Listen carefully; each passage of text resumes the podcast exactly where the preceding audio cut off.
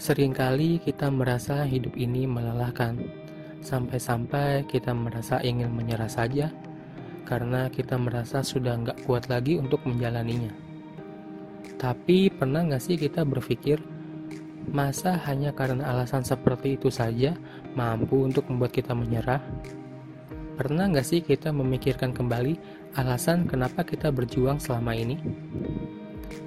Kita sadari atau tidak, sebenarnya kita bisa loh membuat diri kita ini bahagia meskipun dalam keadaan terluka. Kita juga bisa membuat diri kita ini selalu tersenyum, walaupun sebenarnya hati kita ini sedang tersakiti. Meskipun kerasnya hidup itu membuat kita ingin menyerah, tetapi kenapa kita nggak coba menjalinnya dengan senyuman? Kita mungkin merasa bahwa hanya dengan senyum aja itu nggak merubah keadaan, tetapi perlu kita ingat juga bahwa senyum kita itu membuktikan bahwa jiwa kita itu kuat. Karena nggak semua orang bisa terlihat bahagia ketika dirinya sedang terluka, dan nggak semua orang juga bisa tersenyum ketika tersakiti ataupun sedang berusaha keras.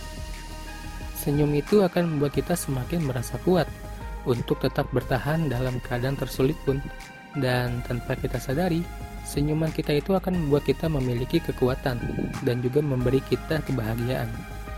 Karena hanya orang yang benar-benar kuatlah yang akan tetap tersenyum walaupun mereka sedang tersakiti.